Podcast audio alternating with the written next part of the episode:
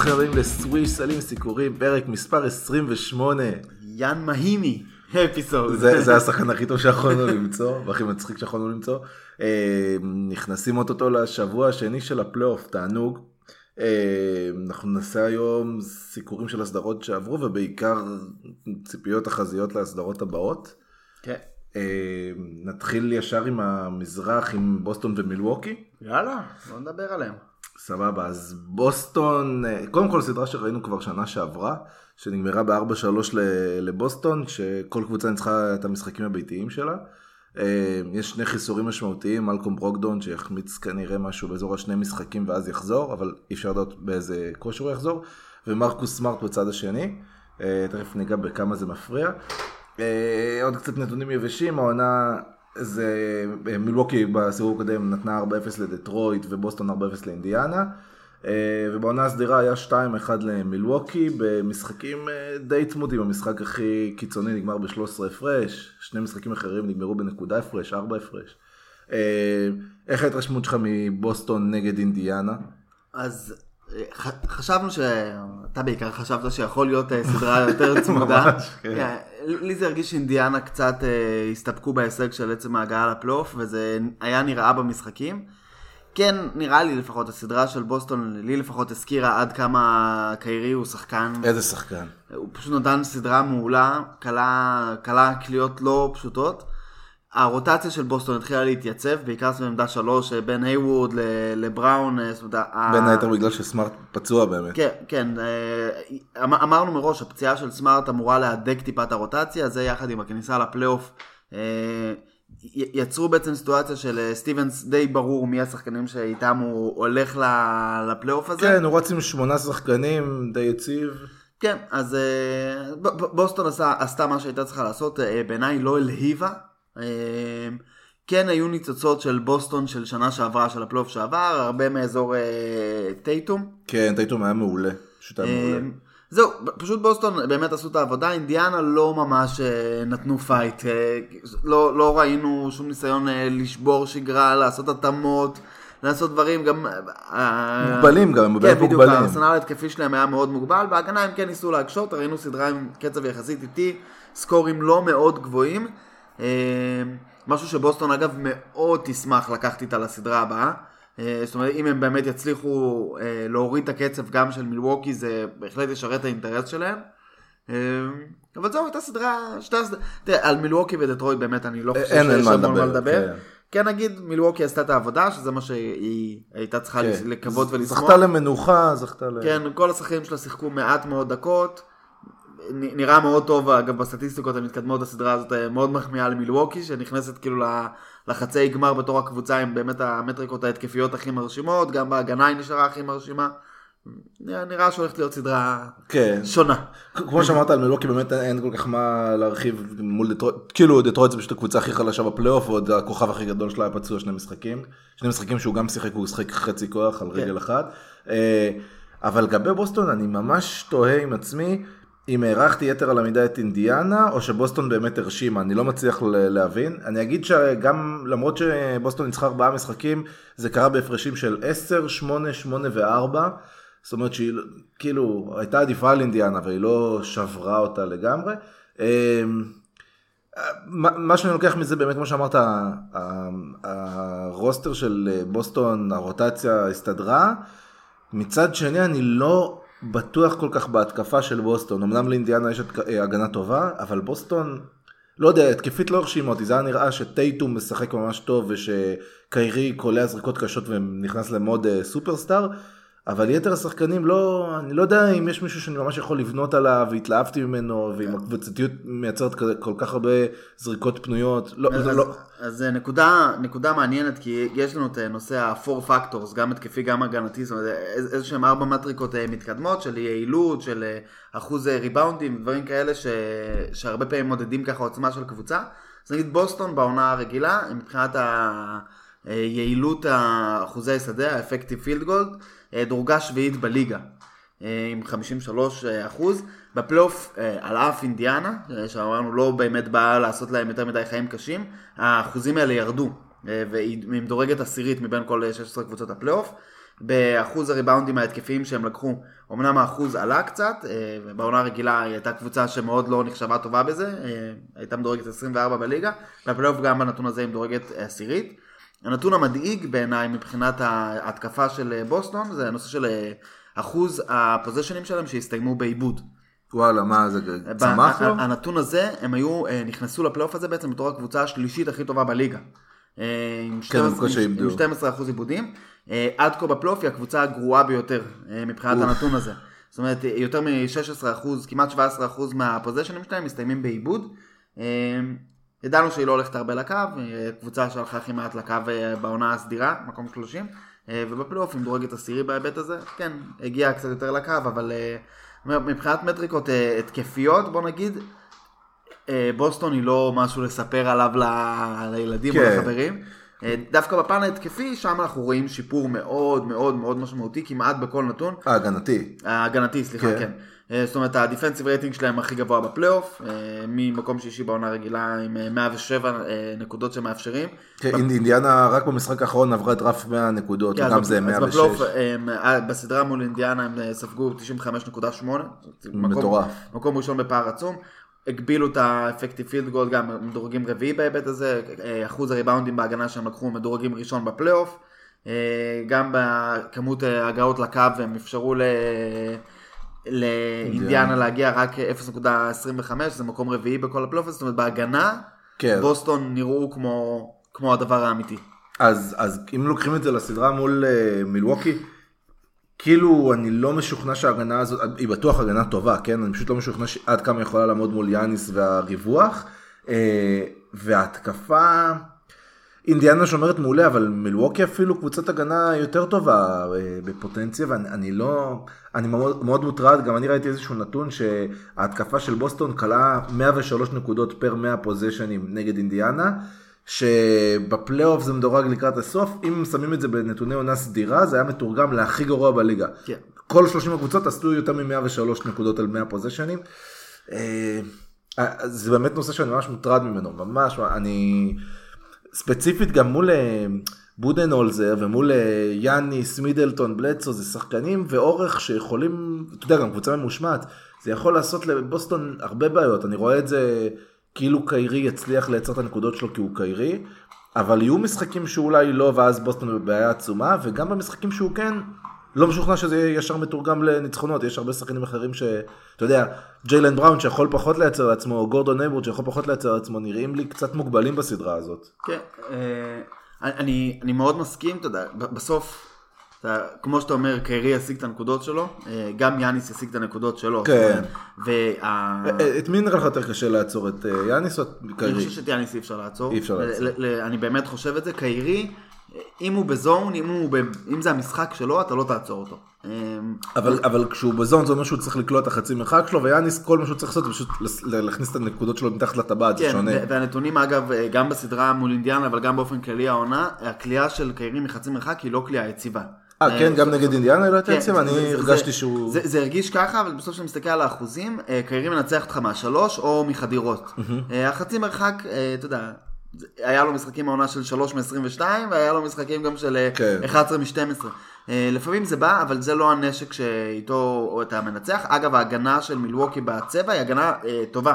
כן, כן, הגנה מעולה.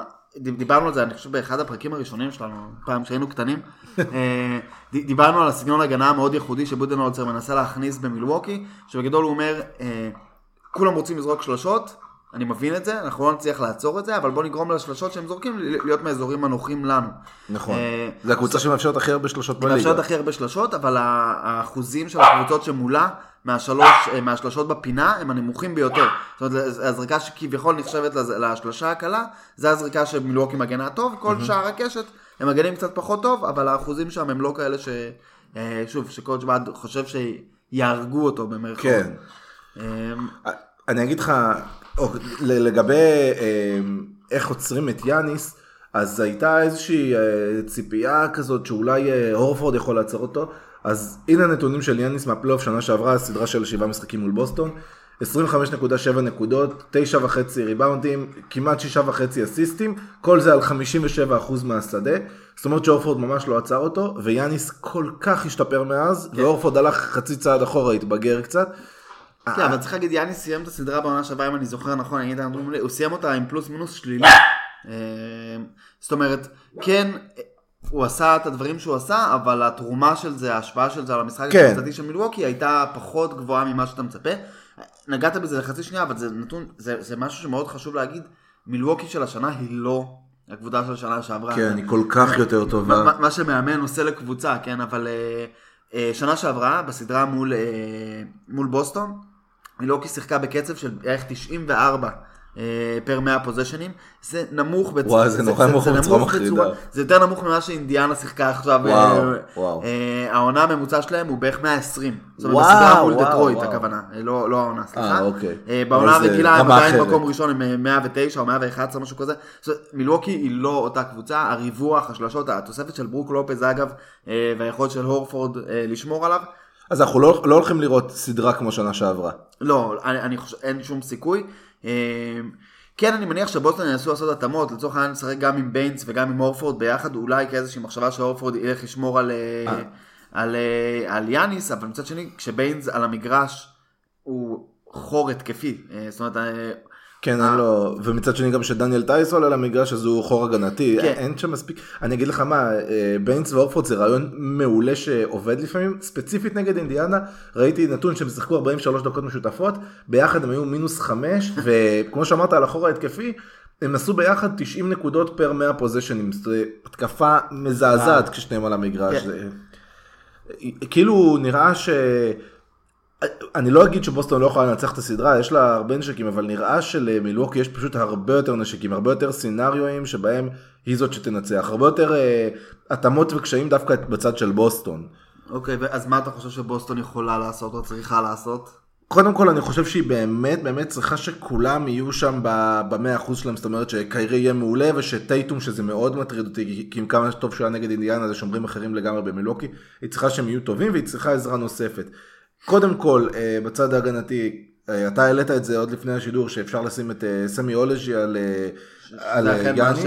מה שבוסטון עשתה לאורך השנה. כן, נתת איזה נתונים של דקות, הוא שיחק ממש מעט דקות, אתה כן. זוכר את זה? בסיבוב הראשון הוא שיחק בממוצע לדעתי של איזה 6-7 דקות לערב, אבל אה, עונתית מול אה, מילווקי הוא משחק יותר מ-20 דקות בממוצע. בדיוק, אז, אז כן, הגוף הגדול שלו, והוא שחקן הגנה טוב, יכול אולי לעזור על יאניס, אבל התקפית, אני, אם לומר את האמת, אני רואה, אני יכול לראות בקלות משחקים ש... כאילו אפילו הרבה משחקים שבוסטון נתקעת מתחת ל-100 נקודות, ואני...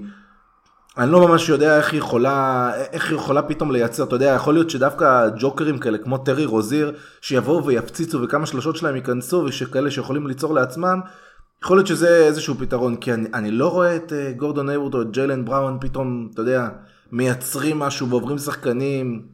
כן, אני, אני אגיד לדעתי הגנתית האסטרטגיה באופן רחב מאוד של בוסטון היא צריכה להתבסס על, על אה, כמה נתונים שאולי אה, שמים את יאניס באור טיפה אנושי. קודם כל, אה, ככל שהעונה התקדמה, היה לנו את התפיסה כאילו שיאניס אה, פיתח או שכלל את הכלייה שלו משלוש. אה, כן חשוב להגיד, הוא סיים את העונה עם ממוצע של בערך 25% מהשלוש. אה, ואתה יכול אבל להגיד, אוקיי, תחילת העונה הרסה לו וזה, אבל בסדרה מול דטרויט אה, הוא סיים עם פחות מזה. כן, עם 23. 23% מהשלוש. אה, הנתון הזה מתחדד כשאנחנו מבינים את האחוזים שלו משלשות שהם unassisted. זאת אומרת היכולת לעשות את ההרדן או את הלילארד, לא, לא משנה מה, מה בתקופה זו הפופולרית, אבל לקחת כדור, לכדרר קצת ולעלות משלוש, האחוזים שלו בזריקות כאלה שהם unassisted הם פחות, פחות מ-10%. אין לו יכולת. כן, אין לו יכולת לייצר לעצמו בכדרור ל pull-up jumper מרחוק. אז, אז המטרה זה להרחיק אותו ולתת לו לנסות לעשות את זה. בדיוק. המטרה היא בעצם לסגור נתיבי מסירה, אה, ולצד זאת גוף גדול ששומר עליו, ועוד גוף גדול שמחכה לו בצבע. אה, זאת אומרת, הקומבינציה, המחשבה של אה, אולי ביינס והורפורד, אולי טייס והורפורד, אולי הורפורד וסמי אוז'לי. זאת אומרת, שני, שני שחקנים עם בשר, אחד שיוצא החוצה, אחד שמחכה פנימה, כי, אתה יודע, אם, אם הוא עובר אותך בצעד הראשון, זאת אומרת, אם יאניס חודר לצבע, הוא המסיים הכי טוב ב restricted area, כן, בליגה, ב- מאז שקיל. בפער באמת, זאת אומרת, זה, אם הוא עבר אותך בצעד הראשון, גמור. זה, זה, זה, זה הסוף. אה, כן, להגיד האחוזים שלו מהקו גם בסדרה מול דטרויט, אבל גם באופן כללי הם אחוזים אה, נוחים. זאת אומרת, זה עדיף שהוא יצבור את הנקודות שלו, שינסה לצבור אותם כן, מהקו, מאשר... אבל הוא לא רע, מה, הוא 70-75 אחוז? זה 75 בסדרה. בסדרה מול אה, דטרויט הוא היה אבל פחות מ-70 אחוז, היה אה, אזור באמת? 67 אחוז, כן. אה, זאת אומרת, המחשבה היא אה, שהכדור יהיה אצלו, זאת אומרת שהוא יהיה זה שבונה את ההתקפה, מצד אחד. מצד שני גארדים שרצים כל הזמן סביב בלדסו, סביב, אה, סביב אה, מידלטון, זאת אומרת סביב כל הקלעים. אז אתה יודע מה, נגעת במידלטון, דווקא מידלטון בסדרה שעברה, אה, נגד בוסטון שנה שעברה, הוא היה מדהים, הוא היה אחד, אולי השחקן הכי טוב בסדרה, לא רוצה להגיד הכי טוב בסדרה, אבל היה בלתי עציר, אה, ומי שמצטיין בשמירה עליו הוא בדיוק מרקוס סמארט. כן. אה, ועכשיו, אתה יודע, לא דיברנו על החיסרון של ברוקדון וסמארט, איך זה יבוא לידי ביטוי, אני חושב ש... סמארט, אתה יודע, זה שהוא לא נמצא שם, ייצב את הרוסטר את ה... כן. של, של בוסטון, אבל ספציפית, כאן, ספציפית ב... במצ'אפ, האגרסיביות, היכולת לצאת מאחורי חסימות. כן. בדיוק, במצ'אפ נגד מידלטון שהוא לא שם, אני רואה את זה בעיה. אה, שוב, פשוט אני רואה יותר מדי בעיות אצל בוסטון, יותר מדי דרכים ל- למילווקי כן אני לנצח. באמת חושב שבראון, אגב, כשומר, הוא יכול, יכול לעשות למידלטון חיים מאוד כן, קשים. בראו שומר טוב. אה, זה פשוט העניין של הרוטציות וההתאמות, כן? מתישהו השחקנים של בוסטון יצטרכו לנוח, ולמילווקי עדיין יש כלי נשק טובים גם בשלב הזה. אני, אני חושב ששני הסגלים של הקבוצות הם, הם מאוזנים וטובים, כאילו גם למילווקי יש אה, לא מעט פייר פאוור, כוח אש מהספסל, בטח לבוסטון גם. אה, בסוף, בעיניי, מה שבוסטון תרצה, זה שכל מי שהוא לא יאניס יהיה זה שמנצח אותה. זאת אומרת, אם יאניס יהיה בקצב שלו, יעשה את הדברים הרגילים, אה, מילווקי ישחק בקצבים הגבוהים שלה, יאניס לא יצטרך אה, לכפות את עצמו על המשחק מזריקות קשות מחוץ לקשת.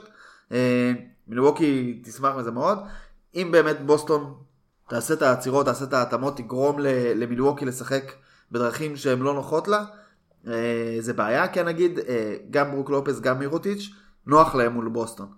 זאת אומרת, השיטות של בוסטון, אה, השימוש ביוז'לי שדיברנו עליו קודם, או הורפורד אה, בשביל לעצור בעצם את יאניס, אומרת, לקחת את אחד הגבוהים ולהוציא אותו בעצם, אה, מקל מאוד על אה, לופז ועל מירוטיץ', אה, קלעים עם יד רכה, גם חצי מרחק, גם אה, משלוש, אה, לה- להכריע את המשחקים מהאזורים האלה, מהאזורים הרכים, ש- שהגבוה יוצא החוצה, בעצם נשארים אה, הרבה מאוד שטחים לניצול. אני חושב שלמילווקי יש אה, יתרון גדול מאוד בסדרה הזאת. גדול מאוד, זאת אומרת, אה, לא יפתיע אותי אם זה ייגמר בחמישה, שישה משחקים. כן, האמת ש...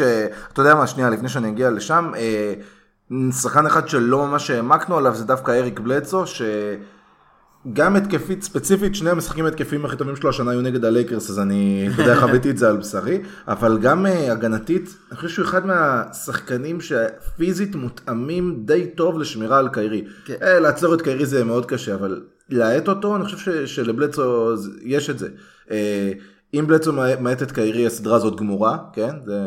כן. אה, וגם בצד ההתקפי, אני, אתה יודע, לא יודע, קיירי יצטרך לשמור על בלדסו, או טרי רוזיר ישמור על בלדסו, נשמע לי שבלדסו, אתה יודע, לא הורג את המצ'אפ הזה, אבל מוביל במצ'אפ אני, הזה. אני, אני נוטה לחשוב שברמת ה... ברמה ההתקפית, מה שיקרה שבלצו וקיירי, זאת אומרת קיירי ישמור על בלצו, מיד מהר מאוד נראה חסימה של בלצו, יש לו גוף, הוא מסוגל לייצר חסימות, והחלפה בעצם, ניסיונות כל פעם של יאניס לקבל את אה, קיירי בהגנה. זה... זה, זה, זה הכל. עכשיו, אם אה, בוסטון תצטרך לעשות משחק של חתול ועכבר בעצם להסתיר את קיירי בהגנה, היא בטוח תצטרך. הם, זה יהיה להם מאוד קשה לשמור, לשמור אותו, זאת אומרת להשאיר אותו על המגרש גם בהתקפה. כאילו קיירי, אם הוא מקבל את אה, בלדסו אז הוא ביתרון, אה, הוא בחיסרון אה, פיזי, בהגנה אני מתכוון, כן. על, על יאניס אין מה לדבר, וגם אם הוא מקבל את מידלטון, מידלטון יכול די בקלות לזרוק מעליו עם האורך כן. שלו. אז, אז אני חושב שקיירי צריך לעבוד הרבה בהגנה בשביל לברוח, לברוח, לברוח עם כל החסימות. כן, זה, זה, זה חיסרון מאוד גדול בשביל בוסטון, כי קיירי ברגע שהוא מתעייף גם האחוזים יורדים, אנחנו יודעים את זה, אומרת, הוא לא היחיד, אבל, אה, אבל אצלו זה מאוד מורגש. אה, וכן, אני חושב שבלצו גם בהגנה אחד על אחד מול קיירי יכול לעשות לקיירי חיים מאוד קשים, בלצו הוא שומר טוב, הוא שומר טוב, הוא חזק. וגם אגב ג'ורג' היל מהספסל, הוא נכון, הוא, היל הוא גם שחקן. מעולה בהגנה, כן. וגם ברוקדון כשהוא יחזור, גם הוא מסוגל אה, עם האורך שלו להקשות מאוד על קיירי לקבל מבטים נוחים. אה, זאת אומרת, נראה ש... בסדרה הזאת מילווקי, בעיניי לפחות, הרוטציה הארוכה ביותר שלה היא בעמדת הרכז. והיא בנויה מאוד נוח לבוסטון הזאת. אה, אני ממש מסכים. אגב, אה, נגענו בזה ששנה שעברה אה, כל, שתי הקבוצות ניצחו את כל המשחקים הביתיים שלהם בסדרה, הפעם היתרון הביתיות הוא של מילווקי. כן. אני לא יודע עד כמה זה באמת אה, יהיה משמעותי, אבל בטוח שזה עוד פלוס בצד של מילווקי, ולדעתי הנשק הכי גדול שלא דיברנו עליו זה זה שיאניס שיחק עד עכשיו כל כך קצת דקות, לא שאני מתכוון לרמה של כמה שהוא מגיע טרי ונח, אלא לזה שכל הנתונים המרשימים שלו, אנחנו רואים אותם על 29 דקות, על 31 מטורף. דקות. אם, אם יאניס יצטרך לשחק 36 או 40 דקות בסדרה הזאת, והוא יכול, כי הוא צעיר והוא בכושר והוא עובד קשה, אז אנחנו פשוט נראה את הנתונים שלו אפילו מרקיעים משחקים עוד יותר. אם עושים את הנתונים שלו, הופכים אותם לפרק 36, הוא קורע את הליגה. זה, זה- אה, זה הנשק ה- ה- במרכאות הסודי שאף, שעדיין לא שמנו לב אליו, שפשוט יאניס עושה את הכל בקצת דקות. כן, אז הוא שיחק אה, 28 דקות, 28.3 דקות בממוצע בארבעת המשחקים האלה מול דטרויט. אה, מבין כל, לא יודע מה, 50 השחקנים היעילים ביותר אה, בפלייאוף עד, עד עכשיו, רק ג'ואל אמביד שיחק פחות דקות ממנו. אה, אבל הוא מעמיד נתוני יעילות פסיכיים, זאת אומרת, אה, אתה יודע, יוקיץ', דורנט ואמביד היחידים שנמצאים מעליו באחוזי היעילות שלו. יאניס הוא, כשהוא על המגרש, הוא עושה נזק, אה, אם זה ריבאונדים, אם זה חסימות, אם זה חטיפות, זאת אומרת גם הגנתית, גם התקפית, הוא לרוב לא מתפתה לקחת זריקות לא נוחות. כן, הנושא של אה, ניהול המשחק הוא הנושא שקשה לו. זאת אומרת, אה, גם ברמת הקריירה, גם בסדרה מול דטרויט וגם העונה באופן כללי, הוא לא מוסר הרבה מאוד אסיסטים, אזור הארבע, ש- שלוש וקצת אסיסטים אה, בממוצע. לכן אני אומר, מה שבוסטון רוצה לעשות זה שהוא יקבל את הכדור מוקדם אה, בהתקפה, ומטר שניים אה, אחרי קו השלוש. זאת אומרת שלהכריח אותו להיות זה שיוצר, אה, ולנסות לעצור את אה, רצף המסירות, ההנעת כדור סביב קשת השלוש של מילווקי, בעצם לגרום לזה שיאניס הוא זה שצריך לקבל את ההחלטות אה, במשחק של חצי מגרש, לא בהתקפות רצות. זאת אומרת שהוא צריך לכדרר, אה, לקבל החלטה, אה, שוב, לגרום לו לעלות לזריקות חצי מרחק או זריקות שלוש אה, לא מאסיסט, אה, כן. לגרום לו להיות זה שמוסר את המסירה או לנסות להכניס את המסירה פנימה. אה, ש- שכמובן, כאילו, גם בדברים האלה הוא טוב, פשוט אה, זה כן. יתרון פחות גדול. כן, הוא, הוא, הוא טוב, אבל הוא לא הכי טוב, הוא כן, לא MVP. בדיוק. אוקיי, אז מה היית אומר היתרון הכי גדול של בוסטון בסדרה? איפה... אני, אני חושב שהיתרון הכי גדול שלהם הוא דווקא בקלאץ'. שיאניס עם כמה שהוא טוב, כמו שאמרנו, על חצי מגרש הוא טיפונת פחות טוב, אה, קצת בעיות עם הכלייה. זאת אומרת שאם מגיעים ל... אני חושב שבוסטון, הדרך שלהם לנצח משחקים זה להשאיר אותם בסקור נמוך, בקצב איטי, לשלוט בקצב שיהיה איטי, לגרור את זה למשחק של שריטות, כמו שאינדיאנה ניסתה לעשות לבוסטון, ואז בקלאץ' יש להם את קיירי, שיכול לייצר מכלום, ו- ויאניס בצד השני שהוא מעולה, אבל קצת יותר מתקשה לייצר מול הגנה צפופה בפוזיישן אחרון בלי קליעה. כן. כאילו... אני, אני לא חושב שבוסטון הולכת לתת 30 הפרש למילוקי בשום משחק. כל משחק שבוסטון תנצח יהיה בעיניי ב-4 הפרש, 5 הפרש בסיום כזה. אז, אז לא, לא ראינו את מילווקי בפלייאוף הזה במשחקים צמודים, כן, זה, מילווקי. זה, זה, זכר לסדרה מול דטרויט. כן. אה, אז כן, יש לי גם נטייה להאמין שבקלאץ', אם במשחקים הצמודים, כנראה שהרמת הב- הביצוע של בוסטון יכולה להיות... צפויה אה, להיות כן. גבוהה מאוד. אני חושב שעוד יתרון אה, גדול, לא יודע אם גדול, יתרון אה, נוסף של בוסטון זה ה-second guards, אה, זאת אומרת, אה, העומק הזה של אה, גורדון הייוורד, אה, טייטום, בראון, אה, רוזיר, הדברים האלה בסוף, אתה יודע, ב- במילווקי כן. ה-second guard שפותח זה סטרלינג בראון. כן, ב- במיוחד אם באמת ברוקדון אה, לא יגיע חד לסדרה אחרי. הפציעה. אה, אז הנושא הזה של אה, בעצם גארדים ורסטיליים, אה, DN3 או חודרים לסל, שוב, אה, זה ה- זה יתרון משמעותי אגב, זה כן. יתרון יפה שיש לבוסטון. כן, כן, זה, זה, יתרון אה, משמעותי. אם אה, מילווקי תהיה הצד הרודף בסדרה הזאת, זאת אומרת אם מילווקי יצטרכו לעשות את ההתאמות, אתה יודע, בוסטון תיקח משחק אחד או שניים מה, מהמשחקים הראשונים, אה, מהמשחקים בעצם במילווקי, ואז אה, קואוצ' בעד בעצם יצטרך לשבור את הראש ולעשות הוא את ההתאמות של איך מתמודדים עם הגארדים, אה, ובעצם החמישיות יהיו, יהיו פחות נוחות או פחות אה, מתורגלות במילווקי, זה יכול להיות יתרון מאוד גדול לבוסטון, זאת אומרת אם בוסטון אה, תהיה זאת שצריכה... אה, תהיה היוזמת ובעצם מילווקי צריכה להיות המגיבה, זה יכול מאוד מאוד מאוד לעזור לבוסטון. אה, שוב, קצב נמוך. כן, אה, קצב- היא חייבת לשמור על זה בקצב נמוך. אז טוב, בוא נסיים עם הימור, מה אתה חושב ש... אני חושב שזה של מילווקי 4-2. אה, וואי, גנבת לי את ה-4-2. אני מוכן גם להגיד 4-1. אז לא, לא, אני אגיד את הארבע. כאילו, אני פשוט חושב שבוסטון, שמילווקי באמת יכולה לנצח את המשחק השישי בבוסטון, אתה מבין? בדרך כלל אה, נהוג להמר על, אם אתה על קבוצת הבית כ-4-1 או 4-3. יאללה, אתה יודע מה, אני הולך על 4-2 גם. יאללה. 4-2 משחק שישי בבוסטון מלווקי לא ככה. אז 4-0 לבוסטון. רשמתי, רשמנו. כן.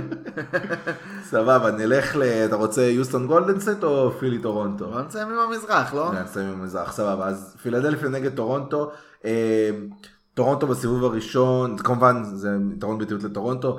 בסיבוב הראשון טורונטו נתנה 4-1 לאורלנדו, משחק ראשון היה מאוד חלש של קייל לאורי ונגרר למשחק צמוד. אחרי זה טורונטו ניצחה 4 ברציפות, שזה שיא פלייאוף שלה, בחיים היא לא ניצחה 4 משחקים ברציפות. אה, ששלושה מתוך הארבעה האלה נגמרו ב-20, פעמיים 20, פעם אחת 30. אה, מצד שני, גם פילי, משחק ראשון, בן סימונס היה חלש נגד ברוקלין, קו מקביל כזה ללאורי, ומאז אה, בן סימונס התעורר וברוקלין ופילדלפיה ניצחה ארבעה משחקים בקלילות יחסית, חוץ מזה אחד. בשלושה, בשלושה, סליחה, ב-13 משחקים העונה של קוואי, אה, לא העונה בכלל, בכל הקריירה של קוואי נגד פילדלפיה, הוא במאזן 13-0. בחיים הוא לא הפסיד לפילדלפיה. אה, גם לא עם סן אנטוניו, כן. אה, אני לא יודע, אני, אני, אני, כאילו, זו הסדרה שנראית לי הכי קשה לפיצוח. מצד אחד יש לנו את אה, טורונטו שהיא קבוצה מעולה, ולא יודע, איכשהו מהמשחק הראשון קיבלתי טעם חמוץ במשחק נגד אורלנדו, מצד שני יש לנו את פילי שאי אפשר להבין מה אנחנו מקבלים מהם. כישרון אדיר, מצד שני חוסר ספסל, חוסר, חוסר יציבות, פתאום אמביט וסימונס נראים מדהימים. מה אתה חושב על הסדרה הזאת? קודם כל באמת סדרה מאוד מעניינת. אה, אם להתבסס על הסיבוב הראשון, שבעיניי הוא היה מדגם טיפה יותר מייצג מאשר הסדרות הקודמות שדיברנו עליהן, את האינדיאנה ודטרויט אה, כן. לא לא מייצגות, אה, אז לא שאורלנדו זה קבוצת על. כן, אבל אורל- אורלנדו כן הכריחה את... קודם כל, טורונטו מבחינתי הייתה סימן שאלה מאוד גדול לגבי הפלייאוף. למה? כי אה, בעונה כאילו רגילה... מנטלית? בעונה רגילה הם היו מעולים, כן, אבל בעידן שאחרי לברון, ולראות איך הקבוצה הזאת נראית בפלייאוף, ולראות את קוואי מקבל דקות משמעותיות, ש... זאת אומרת, יותר אה, נמצא על הכתפיים שלו, ואין אפשרות לברוח למנוחה פה, מנוחה שם, אלא באמת לראות אותו משחק ברצף. כן, אה, טורונטו היו אה, אירוע מעניין לראות בפלייאוף הזה. כן, אנחנו יכולים להגיד שה pace שלהם, זאת אומרת, הקצב משחק היה איטי להחריד. זאת אומרת, בסוף 95.7 פוזיישנים, כן, זה זה מקום 13 מהאיטיים אה, בפלייאוף הזה. כן, 13 מתוך אה, 16. ואפשר לראות שזה קצת הוריד להם את ה offensive rating, זאת אומרת זה, זה גם להתקפה להיות פחות יעילה, אבל זה הקפיץ דרמטית את ה defensive rating, זאת אומרת קבוצת ההגנה השנייה בטיבה בפלייאוף הזה, וגם ה net rating השני בטיבו. זה, זה נק- הנקודה של ההגנה שלנו, זו נקודה מאוד חשובה, כי כמו שכל העונה אמרנו, מבחינת ה personnel, יש להם את אה, ג'ימי באטלר שומר מעולה, אמביט שומר מעולה, סימונס שומר אני מדהים גם. דיברתי על טורונטו. אה, על טורונטו, סבבה, כן, סליחה. אבל עוד שנייה ניגע גם בהגנה. של פילדלפיה. כן, כן נגיד שדווקא כשמסתכלים, כשצוללים כאילו למטריקות המתקדמות, אה, כמעט ואין תזוזה. זאת אומרת, טורונטו נשארה אה, קבוצת אה, התקפה. פחות או יותר, אה, או, מאוד דומה למה שהיא עשתה בעונה הרגילה, היא נשארה גם בפלייאוף. הייתה מעולה בהתקפות מעבר. כן, זאת אומרת, מדורגת שישי באופ... אה, ב offensive rating לעומת חמישי בעונה הסדירה, מדורגת שלישי ב effective field goal, בדיוק כמו בעונה הרגילה, מדורגת 15 באחוז הריבאונדים בהתקפה, בעונה הרגילה הייתה 19, אה, ודווקא הנתון שקפץ משמעותית, וזה אני תולה הרבה ביכולת הטובה יחסית של קייל לאורי בסדרה מול אורלנדו, זה הנושא של האיבודים. מ-14, מדורגת 14 בעצם, באחוז העיבודים אה, בהתקפות בעונה הרגילה, קפצה למקום החמישי. אה, ממש יפה, כן. זה טוב, השיפור הגדול, כאילו כמובן חל בהגנה, כן, בכל מטריקה השתפרו, אם זה בדיפנסיב רייטינג, אם זה באפקטיב פילד גולד של היריבים. את- האמת שטורונטו, אתה יודע, מבחינת הגנה היא מקבילה למילואקי בזה שיש לה שחקני הגנה טובים והיא מאוד מאוד מאוד מאומנת. גם אה, סיאקם, גם דני גרין וגם קוואי זה שלושה מהשומרים הכי טובים בליגה והקבוצה הזאת, וגם גסול כמובן, והקבוצה הזאת באמת מאומנת, זאת אומרת, אתה לא תפתיע אותה ותראה הגנה מחוררת, הם יהיו מתואמים כל הזמן. אה, אני פשוט לא יודע עד כמה הסדרה מול אורלנדו היא באמת מבחן נכון. לזה, אה, כמה, כמה אורלנדו יכולה להתפוצץ עליהם, אתה יודע. אבל הנקודה לחיוב בהגנה זה כן מרק גסול ספציפית נגד וואץ'. כן. הוא הגביל את וואץ', עשה לו בית ספר, וואץ' סיים משחקים, לא יודע, תשע נקודות, אחוזים רעים, דברים כאלה. היה נראה עייף אה, כל הזמן. כן, היה נראה שרק הוא כן. רוצה שהסדרה תיגמר. אה, והשאלה אם גסול יכול לקחת את זה ולהמיר את זה למצ'אפ מול אמביד. השאלה גם בריאותית, איזה אמבידה אנחנו מקבלים, כי ראינו אותו מחמיץ משחק בסדרה בעצם. ז- אה, זו שאלה, זו השאלה, כאילו בלי אמביד טורונטו לוקחת את הסדרה הזאת, אתה יודע. כן, כנראה. אה, אז קודם כל, ב- בזמנו, בזמן הטריידה לוולנסיונס וגסול, דיברנו על זה שבסוף גסול מובא בשביל להיות אה, קודם כל עוגן הגנתי. כן. התקפית אני מניח ולנציונס אה, בגילו, אה, גם בפוטנציאל, אה, יכל להיות אה, טוב יותר ממה שמר גסול יודע לתת אה, העונה, בטח אם מסתכלים אה, קדימה לעונה הבאה. כן, ג'- ג'יי.וי גם, גם לפני שהוא עבר וגם אחרי שהוא עבר לממפיס נתן מספרים מאוד יפים התקפית. אה, אבל בהגנה החוכמה של גסול, היכולת שלו לנעול שחקנים בצבע, היכולת שלו אה, באמת אה, לה- להגן על הטבעת, הוא, אה, אגב גם בפלייאוף הזה- הנוכחי כבר ראי- ראינו את זה, הוא, הוא מעמיד נתונים מעולים. אה, הסדרות האלה במזרח, גם מול אמביט, גם בהמשך מול ברוק לופז, פוטנציאלית ברוק לופז, או, כן, או על אורפורד בכלל, כן. אה, זה- זו הסיבה שלשמה הוא הגיע. כן, בשביל זה הביאו אותו. זה והיכולת לנהל משחק מהצבע, שזה גם אה, אה, נקודה מאוד מאוד. מאוד חשובה. כשהמשחק תקוע זה עוד אלמנט ללכת אליו. כן, אה, בהיבט הזה ראינו גם אה, העונה, אה, גסול מצליח לעצור את אמביט לא רע אה, במשחקים ביניהם, גם העונה, גם העונה שעברה. אמביט נראה קצת פחות טוב, קצת פחות יעיל. האמת ש- שיש לי נתונים על זה אז אני אני אקריא אותם. יאללה. אז אמביד כשהוא נשבר ספציפית על ידי גסול היו חמישה משחקים כאלה סך הכל אני חושב שזה כולל כן, כל הקריירה. כן, כן. כולל. אה, אז אמביד כלה 14 נקודות במשחקים מול גסול לעומת 24 וחצי בשאר הקריירה שלו. אה, גסול גם גרם לו ל-4.4 עיבודים לעומת 3.7 בשאר הקריירה. אחוזים מהשדה מול גסול, אמביד קולע רק 34% מהשדה, זה מקביל לסוג של אה, הורפורד על אמביד, ולעומת 48% של אמביד בקריירה, ומחוץ לקשת אמביד קולע בקריירה 32%, מול אה, גסול הוא קולע, קלע עד עכשיו אחת מ-16, כל הקריירה שלו מחוץ לקשת. זאת אומרת שגסול כן מצליח להגביל אותו, אבל השאלה, אתה יודע, זה קצת שונה כשזה מגיע אצ- אצל ממפיס ובטורונטו. כי אצל ממפיס כל המשחק נראה איתי, הכל נראה נשיכות, כולם עוזרים. אני לא משוכנע עד כמה זה מתרגם טוב בטורונטו. לא, קודם כל טורונטו גם הם, לא ברמה של ממפיס, לא אבל גם הם כן. מורידים את הקצב, גם הם קבוצה שהזהות שלה היא זהות הגנתית. אה, שוב, זה לא ה grit and grind. זה- זה לא האנטי כדורסל, או לא אוי בונקר, כן, אה, של ממפיס. אבל, אה, אבל כן, טורונטו יודעת להאט את הקצב, יודעת אה, לשלוט במה שצריך.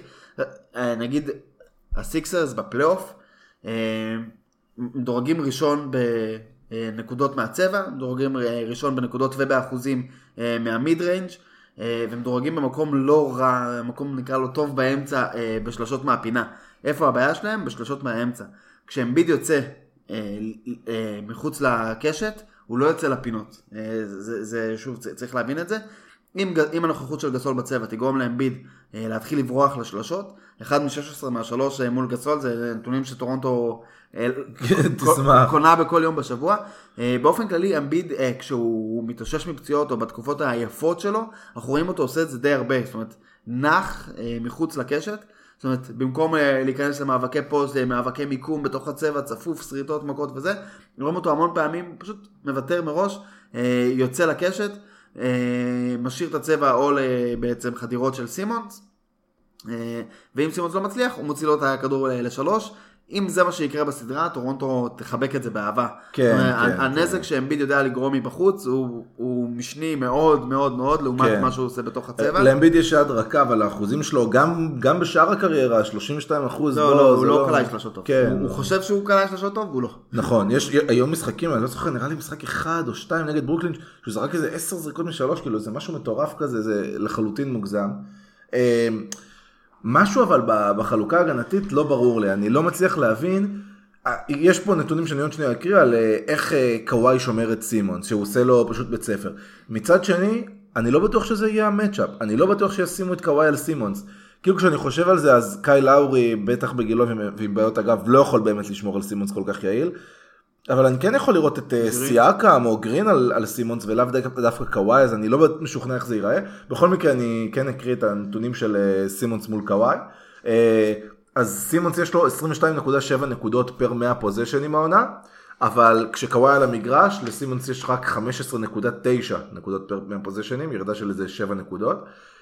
ולסימונס יש 4.7 עיבודים אה, פר 100 פוזיישנים העונה, אבל רק, אבל סליחה, אבל 9.7 כשקוואי על המגרש.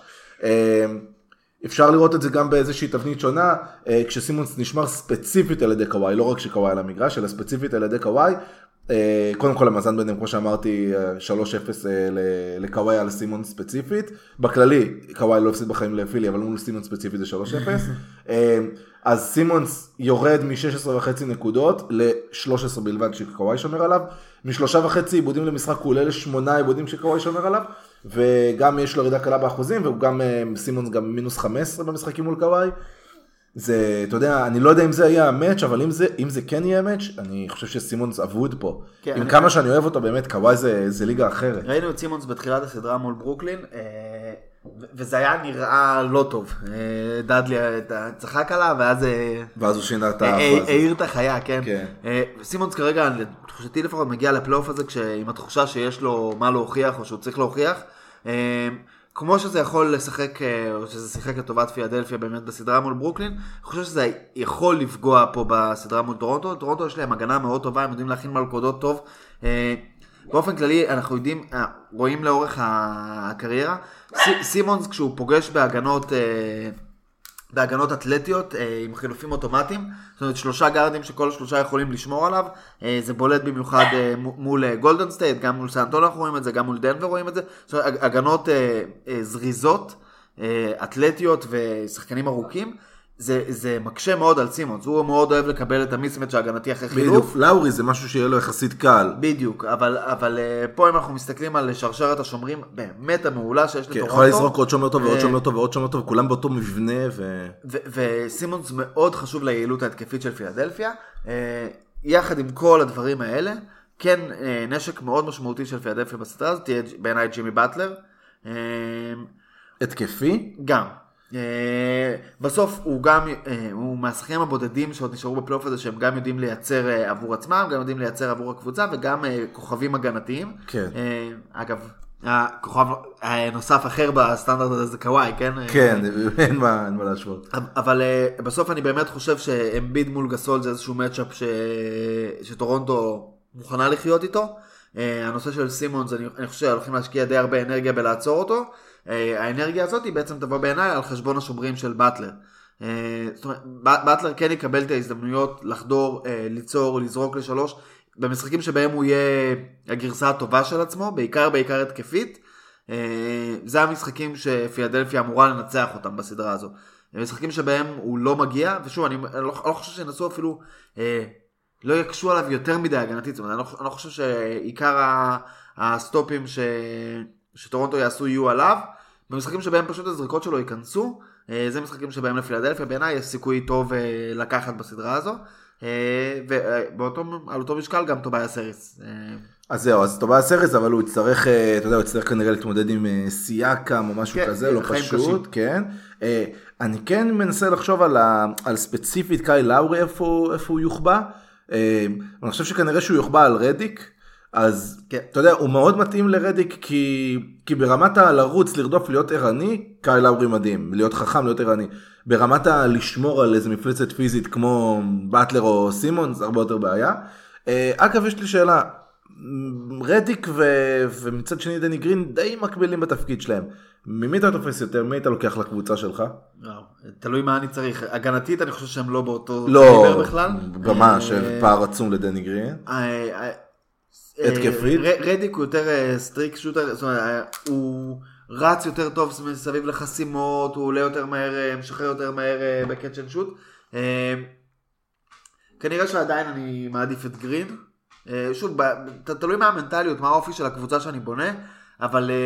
אני חושב שאני מעדיף את גרין בכל מקרה. כן. כאילו גם התקפית אני מעדיף את גרין כי הוא פשוט יודע לשחק כדורסל חכם, של כדורסל של פופ, הוא יודע להיות אחראי, כן. רגוע, נכון. D and three הוא הוא יותר אה, מתאים למשחק המודרני בה- בהיבט שהוא תורם גם בשני הצדדים של המגרש. כן. מה שאמרת לגבי לאורי ו- ורדיק, כן צריך להגיד עם, ה- עם הגב של לאורי, השחקנים ששומרים על רדיק הם שחקנים שבאמת, מתנגשים בהרבה מאוד חסימות.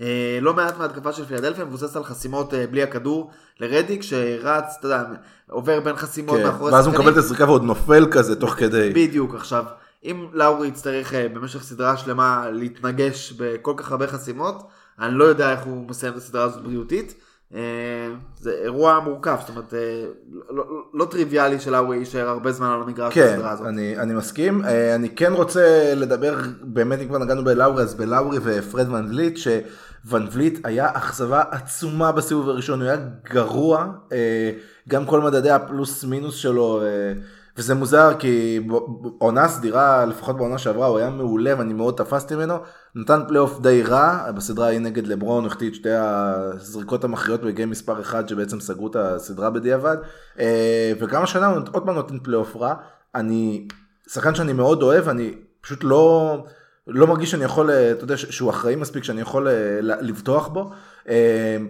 אה, אז אתה יודע, אם יש לנו רק את אה, לאורי ואת ון וליט בעמדה מספר אחת, יכול להיות שיש פה איזושהי בעיה, לאורי לא בקו הבריאות, צריך לרדוף בהגנה, ון וליט קצת לא נראה טוב כרגע. אה, לא יודע, לא יודע, איזשהו, איזשהו אלמנט שדווקא מפחיד אותי בטורונטו, ואם כבר נגענו בלאורי, אז אחרי המשחק הראשון הבאמת באמת גרוע שלו, אז אני רק אגיד שמבחינת פלוס מינוס, שלושה, שלושת השחקנים הכי טובים בפלוס מינוס בפלייאוף הזה, קייל לאורי ראשון עם 106, יאניס שני עם 98 וקוואי שלישי עם 94. זה גם מאוד מתחבר ליריבות שלהם, אורלנדו כן. ודטרויט, כן, אין אה, ספק, אבל עצם זה שלאורי ראשון בכל הפלייאוף, זה, אתה יודע, איך אמרנו כל העונה, טוב או לא טוב, טורונטו תלך ב... אתה יודע, בדרך של קייל לאורי, איפה- לאן שהוא ילך. וזה, אם יש נקודה שפילדלפיה צריכה לשאוב ממנה עידוד, זה שנראה שספציפית אה, מול לאורי, אה, לפילדלפיה יש איזשהו יתרון. זאת אומרת, גם בשומר, זאת אומרת, גם התקפית וגם הגנתית. אה, ללאורי יהיה קשה להישאר הרבה דקות בעיניי על המגרש, אה, שוב, בטח אם הוא צריך לשמור על סימונס. כן, הוא, הוא גם באמת, הבריאות שלו לא, לא שם, זה, זה מאוד מטריד. אגב, אה, לא, לא כל כך נגענו בכל נושא ההגנה של פילדלפיה, שבניגוד לטורונטו, למרות שיש לה גם שומרים ברמה מאוד מאוד גבוהה, נראה שהקבוצה הגנתית, גם כשהיא מצליחה, זה לא נראה כי היא סופר סופר מאומנת. אה, נראה שהשומרים שם אישיים טובים, אבל לא כל כך מאומנים. מה, איך אתה חושב שהולכת להיות החלוקה ההגנתית? אז אה, זה מצחיק, בדיוק אני מסתכל פה על אה, הנושא של פסקל סיאקאם, כאילו, והשמירות שלו. אה, אז טוביאס האריס שיחק אה, בעצם שני משחקים מול טורונטו, בשניהם השומר המרכזי שלו היה פסקל סיאקאם. אה, לקח אותו במשך 33 פוזיישנים, אה, דני גרין שמר עליו 31 פוזיישנים. אה, ב- ב- ב- במשחקים של אה, האריס מול, אה, מול טורונטו הוא על 9 מ-28 מהשדה, זאת אומרת, אה, 32 אחוז לא מאוד מחמיאים. כשסיאקאם שמר על, אה, על אה, ג'ימי באטלר, אה, באטלר היה 12 מ-19. או-אה. אה, זאת אומרת. אם אנחנו מחפשים את ה matchup ש... ש- כמו שאמרתי, שבאטלר רוצה לקבל, זה פסקל סיאקאם, ואגב גם טוביאס האריס היה שמח לקבל... כן. לא, אבל אני מתכוון בצד השני של המגרש, כפילדלפיה בהגנה. ופילדלפיה בהגנה. פה שוב, כאילו, איך, אוקיי, בוא נגיד אמביט זה די ברור לנו לשמור את גסול, לשמור את איבאקה ויסתדר איתם, יחסית, סבבה, שומר על. כן. אבל אה, באטלר שהוא שומר כל כך טוב, על מי אנחנו שמים אותו? על קוואי? כנראה. אה, זאת אומרת, זה, זה מרגיש, שאלה אם אתה רוצה שהוא ינוח או כמה אתה רוצה שהוא ירוץ. לא, לא, כן, אני רוצה שהוא ירוץ. באטלר- באטלר תמיד אמור לשמור על היוצר קוואי. המוביל של הקבוצה השנייה. זאת אומרת, כן. הוא, הוא, ה... הוא ה perimeter defender בעצם הכי טוב אה, ש, שיש לפילדלפיה לשים. שבזמן הזה סימונס אמור בעצם להיות זה שסוגר קווי מסירה עם האורך שלו, עם ההתרוצצות שלו סביב קשת השלוש. אה, סימון, סימונס אגב שמר מעולה על דיאנג'לו ראסל אה, בסדרה הקודמת. אני חושב שלאורי עם כמה שהוא טוב, סימונס יכול לעשות לו הרבה הרבה בעיות, הוא כן. גדול, גוף גדול. ושוב, בהיבט הזה, אם לאורי נעצר, רוב הסיכויים שגם טורונטו נעצרת. זה הסיבה, באמת, זה אם פילדלפיה צריכה לשאוב עידוד ממשהו, זה ההבנה של לאורי הולך להיות מצ'אפים מאוד קשים בסדרה הזאת. אה, אני חושב שיהיה להם קצת קשה לפ- לפילדלפיה להחביא את אה, רדיק בהגנה. אה, ונקודה חשובה לשים לב אליה זה שמייק סקוט בוודאות בחוץ במשחק הראשון, כנראה יחזור למשחק מספר 2. אנחנו קודם מדברים על זה שלפילדלפיה אין ספסל, בניגוד אגב לטורונטו, ועם זה שאין לה ספסל, מייק סקוט הוא השחקן הכי טוב שלה מהספסל והקלעי שלשות המצטיין שלה. אכן. אשכרה חיסרון של שחקן כביכול לא משמעותי יכול להיות פה סופר משמעותי כי זה כן. אומר שהדקות הולכות להתחלק כי אתה יודע ג'יימס אניס הולך להיות השחקן הכי טוב שלהם מהספסל בלאגן. ל- לטורונטו יש יתרון משמעותי בעיניי לפחות בעמדת המאמן. ועם ההתקצרות. עם, עם ההתקצרות הזאת ברוטציה של פילדלפיה, בעובדה שגם ככה אין להם רוטציה כזאת משמעותית, אה, למאמן, לבראון בעצם אין, אין באמת הרבה התאמות שהוא כן, יכול אין יכולת לעשות. תמרון. כן. אה, לטורונטו יש יתרון משמעותי בהיבט הזה. אז אה, מה ההימור הסופי? אה, אה, אין לי ספק שטורונטו זה ההימור שלי, אני תוהה אם להגיד בשישה משחקים או בשבעה משחקים. וואלה. אני- אני כן חושב שהנושא של לאורי הוא נושא משמעותי שצריך לשים עליו את הדעת. אני אגיד טורונטו בשבע. אני אגיד טורונטו בחמש. וואו. כן. אוקיי. למרות שחיבה גדולה לפילי, שלא יחשבו אחרת. אה, טוב, נלך לסדרה הכי מעניינת, גולדן סטייט יוסטון. סדרה שכולנו חיכינו לה. וואי וואי, איזה כיף, איזה כיף שזה הגיע. טוב, אה, בניגוד גמור לעונה הקודמת, אז גולדן סטייט אה, הפעם זאת תהיה זאת שמחזיקה ביתרון הביתיות בסדרה הזאת. כן. אה, טוב, בסיבוב הקודם גולדן סטייט, אנחנו בדיוק מקליטים בבוקר שאחרי התצוגה של אה, קווין דורנט, אז גולדן סטייט נתנה 4-2 על הקליפרס, אה, דורנט בארבעת המשחקים האחרונים היה פסיכי לגמרי. יוסטון נתנה 4-1 מרשים על יוטה. כששני המשחקים הראשונים קבעו את הטון והיו בכלל מדהימים, זה- כן, blowout, אחרי זה היה קצת יותר צמוד אבל עדיין. בעונה הסדירה זה 3-1 ליוסטון, אבל שים לב לזה, במשחק מספר 1 העונה, אה, סטף לא שיחק, כן. במשחק השני דורנט לא שיחק, לא במשחק השני, במשחק אחר דורנט לא שיחק, עוד משחק הארדן לא שיחק, ועוד משחק אחד קריס פול ואריק גורדון לא שיחקו. זאת אומרת 3-1 לגולדן- ליוסטון על גולדן סטייט, אבל באף משחק לא קיבלנו סגל מלא, כאילו ברמת הכוכבים אפילו, לא מדבר על השחקנים כן. השלמים. אז אה, אני לא יודע כמה אפשר ללמוד על זה, כנראה, כנראה אפשר ללמוד מזה ש, שגולדן סטייט לא, לא הולכת לקטוש פה את יוסטון, כן. לפחות זה. זה- מאז שדורנט הצטרף לגולדן סטייט, אה, אה, אף קבוצה בליגה לא מחזיקה במאזן חיובי מול גולדן סטייט. אה, יש רק שתי קבוצות שהן על 50 אחוז. אחת מהן זה בוסטון עם 3-3, השנייה זה יוסטון עם 9-9. זאת אומרת, כן, למרות הנוכחות של דורנט, עדיין יוסטון מצליחה אה, להעמיד מספרים נורמליים מול קבוצה שהיא בטח לא נורמלית. אה, אגב, אה, לחדד את הנתון שלך, אתה מדבר מהרגע שדורנט הגיע, שזה שלוש עונות, אני, אני לקחתי את שתי העונות האחרונות בלבד, בשתי העונות האחרונות בלבד, אה, יוסטון מובילה על גולדן סטייט 8-5, ושתי הקבוצות הכי טובות אחריה זה יוטה ופורטלנד, שתיהן ב-4-3 על גולדן סטייט, אבל שוב, זה עונה אחת פחות. כן. כן, אנחנו רואים שאף קבוצה לא יכולה באמת לתת משהו, לתת בראש לגולדן סטייט, כמו, ש, כמו שיוסטון עומדת איתה שווה בול שווה. עכשיו, למה הפציעה של קריס פול בעונה שעברה הייתה כל כך משמעותית? כי אני חושב אה, שבסופו של דבר לאורך סדרה, אה, דורנט והארדן הם שניהם מכונות התקפיות שפחות או יותר יכולים לבטל, זאת אומרת, אם נסתכל על התרומה שלהם לאורך סדרה, המספרים כנראה יבטלו אחד את השני, זאת אומרת, אה, דורנט פוטנציאלית אולי יקלע קצת יותר, אולי, לא, שוב, תלוי בהגנה, אה, הארדן בטח ימסור יותר, דורנט ייקח יותר ריבאונדים, הנוכחות שלהם אה, אה, כמעט מבטלת אחד את השני, ואז נשאלת השאלה מה, מה שאר השחקנים בעצם יכולים לעשות. אה, ופה הנוכחות של קריס פול, אה, בעיקר בסדרה הזאת, היא דרמטית. כן, אי אפשר, אי אפשר, הם לא, הם לא ינצחו את אה, גולדן סטייט בלי קריס פול ברמה גבוהה. כן, ו- ופה שוב אה, דובר על היתרון, על ה- ה- זה שיוסטון שמחים כביכול שהם פגשו את אה, גולדן סטייט סיבוב אחד מוקדם יותר, כי אז אה, קריס פול קצת פחות עייף, שאר השחקנים פחות אה, פצועים. אתה יודע שכאילו זה נהיה איזה, כאילו התחלנו לדבר על זה ולהריץ את הקטע הזה, ושמעתי ממש השבוע אה, איזשהו אה, פודקאסט עם דרל מורי, והוא ממש דיבר על זה, הוא, הוא אמר, כן, אנחנו מגיעים פחות, הוא אמר ספציפית, קריס פול מגיע פחות, עם פחות פציעות ופחות עייפות לסדרה הזאת. כן, זה, לא זה, יאומן. זה, זה הגיוני. שוב, אני לא חושב שמתישהו לאורך העונה הם אמרו, אה, טוב, בוא נפסיד קצת יותר או דברים כאלה, אבל כן, אם, אם נסתכל על היתרון, אה, ליוסטון אין איזה רצון אה, אז להגיד, הגענו לגמר המערב, לעומת זאת, לזכות באליפות, כן, זה משהו שהם רוצים, ולכן אה, המחשבה של לפגוש את גולדן סטייט כמה שיותר מוקדם, זה משרת את האינטרסים שלהם יותר מאשר את האינטרסים של אה, גולדן סטייט, בטח אה, עם העניין של הפציעה של קזינס, שדיברנו על זה פעם קודמת, אה, על פניו במשחק נתון, זה, הם לא כזה צריכים את קזינס, או בסדרה נתונה נגד קליפרס למשל. כן, אבל אה, לאורך פלייאוף שלם, עם הרוטציות, עם התאמות, עם דברים כאלה, הנוכחות של עוד אה, כלי התקפי, כלי הגנתי, עוד איזושהי יכולת לעשות התאמות, לעשות שינויים, הנוכחות, בעצם היעדר הנוכחות של קזינס כן משפיע על, על גולדן סטייט.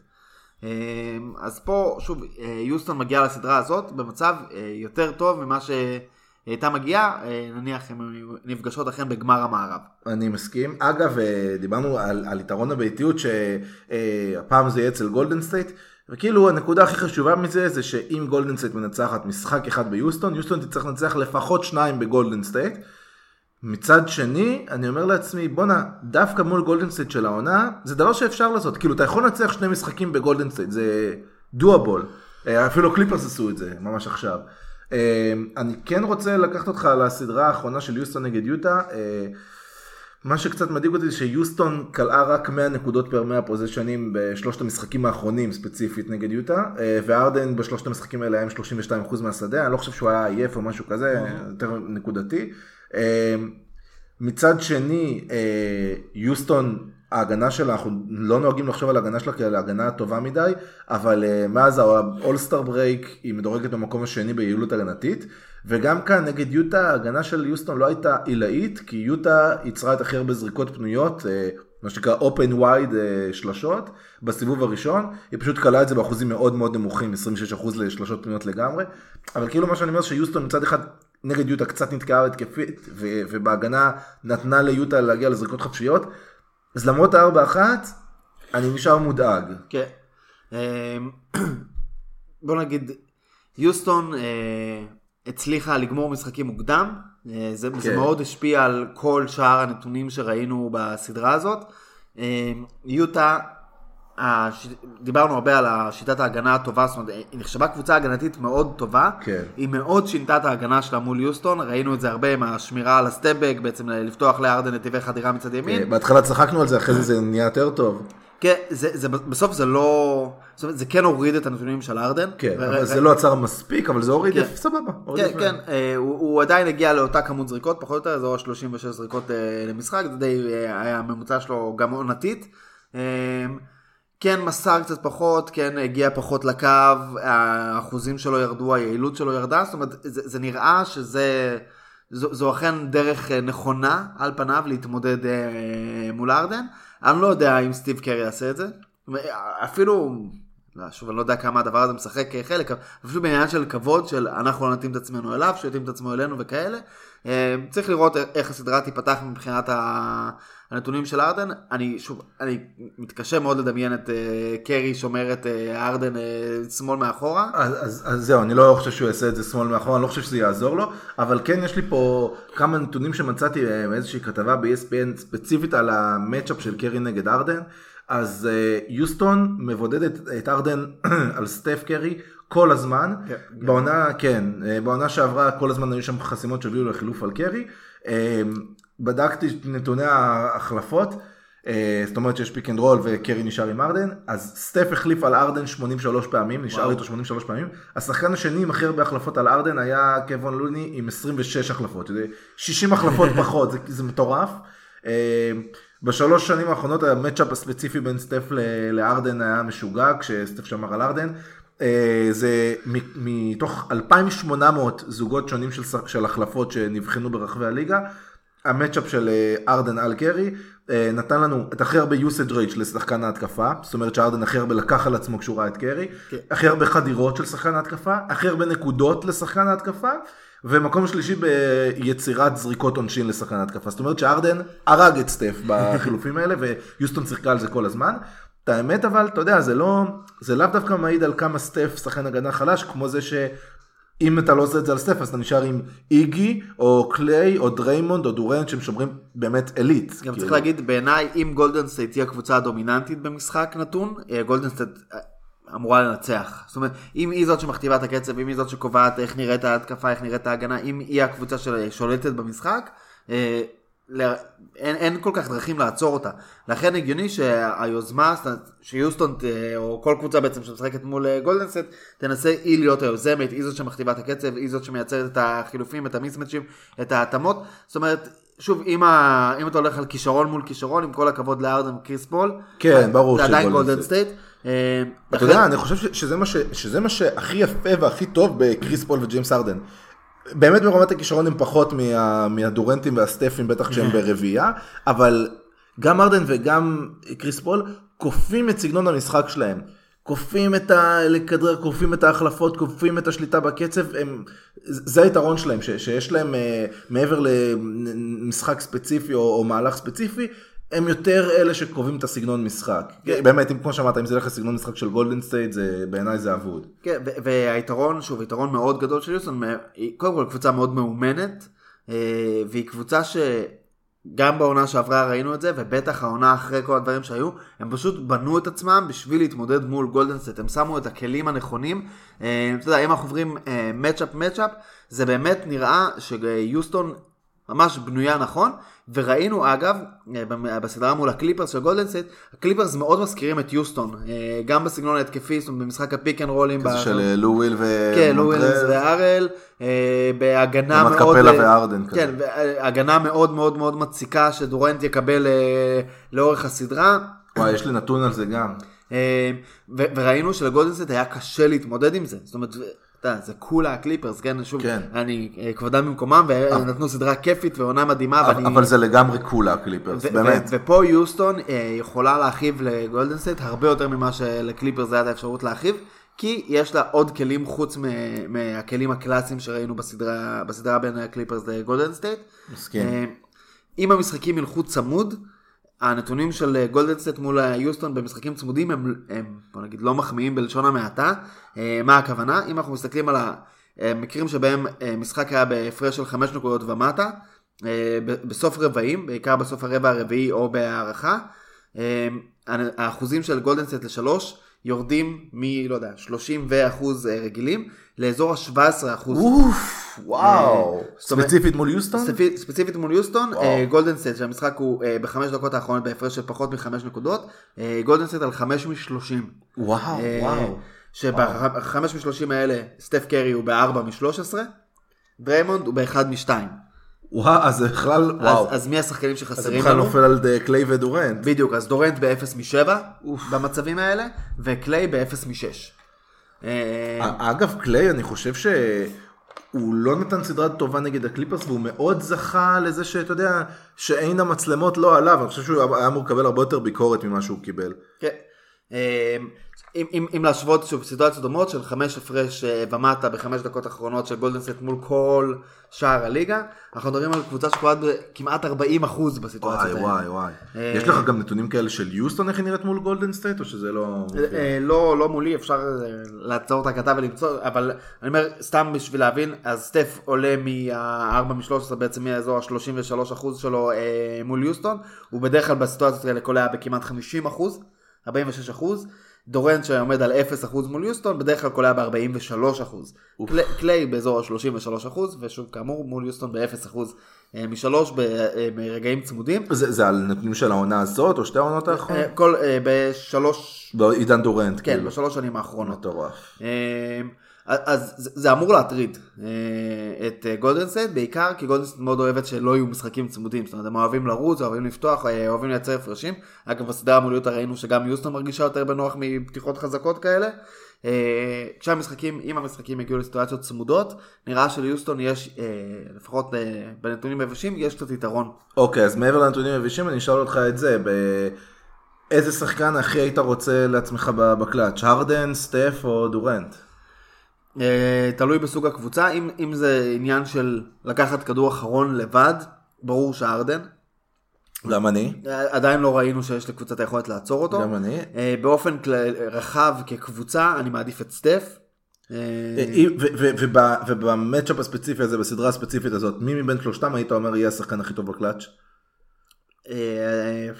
אני עדיין נוטה להגיד שארדן. גם אני. אה, פשוט, פשוט שוב, אני חושב שהוא השחקן הכי יעיל נקודה, לא רק בקלאץ. זאת אומרת, כל זמן שהכדור אצלו, אה, הוא יוצר, הוא עושה, הוא חודר, כן, הוא, הוא... הוא, הוא מנסה לעשות דברים. דורנט עדיין לפעמים קצת אה, מתבלבל, לפעמים עדיין קצת מחפש את המסירה, לפעמים עדיין קצת לוקח לעצמו יותר מדי. אה, אה לוקח על עצמו יותר מדי זה ממש נכון, זה קצת פוגע בסגנון של גולדנסט, וכשארדן לוקח על עצמו יותר זה לא פוגע בסגנון של יוסטון, כי זה הסגנון של יוסטון. מצד, מצד שני, כשדורנט נכנס ל, לסיטואציה הזאת של יש לי מה להוכיח, אני צריך להוכיח, בדרך כלל אנחנו רואים התפוצצויות. וסטף הוא עדיין לפעמים קצת משתולל, קצת נהנה מהמשחק, מסירות כן. מאחורי הראש, זאת אומרת... לגמרי, לגמרי. אני זוכר אפילו, ב, אתה יודע, במשחק 7 אה, נגד קליבלנד, שהם הפסידו שם את האליפות, היה שם איזה דקה לסוף, שתי דקות לסוף, עיבוד שהוא נותן כן מאחורי הגב, כאילו, הכדור יצא החוצה, כאילו, מה אתה עושה? כן, אה, לפעמים הוא, הוא לא כל כך מבין. אגב, משהו שכן בעיניי אה, יכול לעודד קצת את גולדנסט, אחרי שלא ראינו את דריימונד גרין כמעט כל העונה. בסדרה מול הקליפרס ראינו הרבה יותר דריימונד. Mm. הוא... הוא... דובר על זה שהוא הוריד עשרה קילוגרמים. הוא נראה קצת יותר טוב, אני לא יודע עד כמה זה נכון, אבל הוא, זה הנקודה הכי חזקה בעיניי. הוא, כל העונה הזאת לא היה טוב, ובפלייאוף הזה הוא חשמל. כן. אה, פה שאלה, האם הוא חשמל כי באמת הקבוצה צריכה אותו? האם הוא עשה איזה שינוי בראש? כן, ה- ה- הנוכחות, הנראות הפיזית שלו היא מאוד מורגשת, זאת אומרת ממש רואים שמדובר בשחקן אחר, הנתונים שלו בסדרה מול הקליפרס היו כן. שמיים וארץ לעומת העונה הרגילה, מאוד הזכירו את דריימונד של פעם.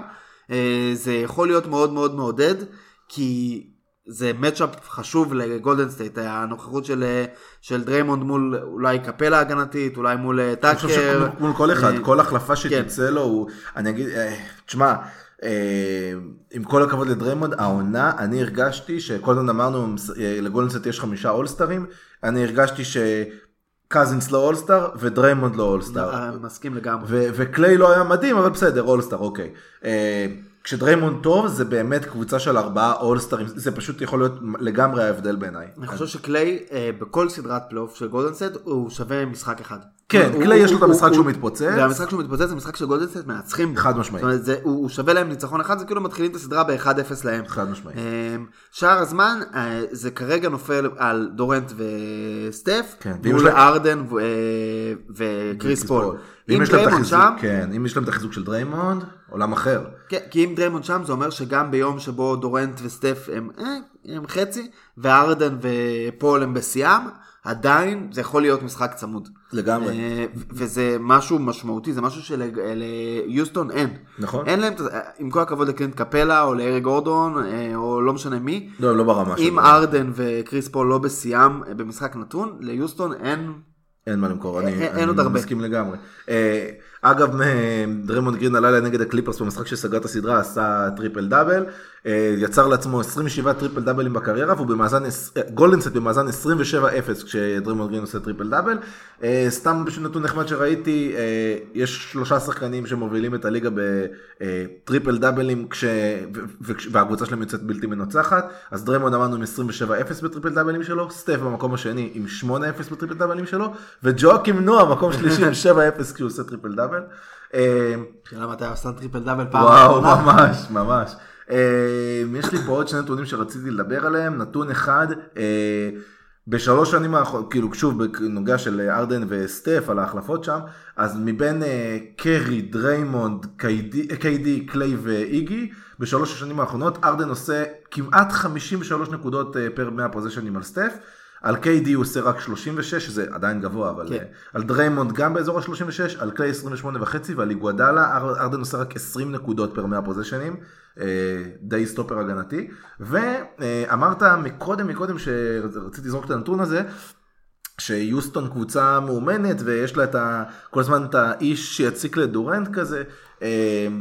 אה, אז הייתה איזושהי תפיסה בתחילת העונה שבלי אריזה ששמר שנה שעברה על דורנט זה קצת קשה, אז דווקא יש פה איזשהו נתון שמראה שטאקר הוא המקביל של אריזה, אולי אפילו קצת יותר. טוב.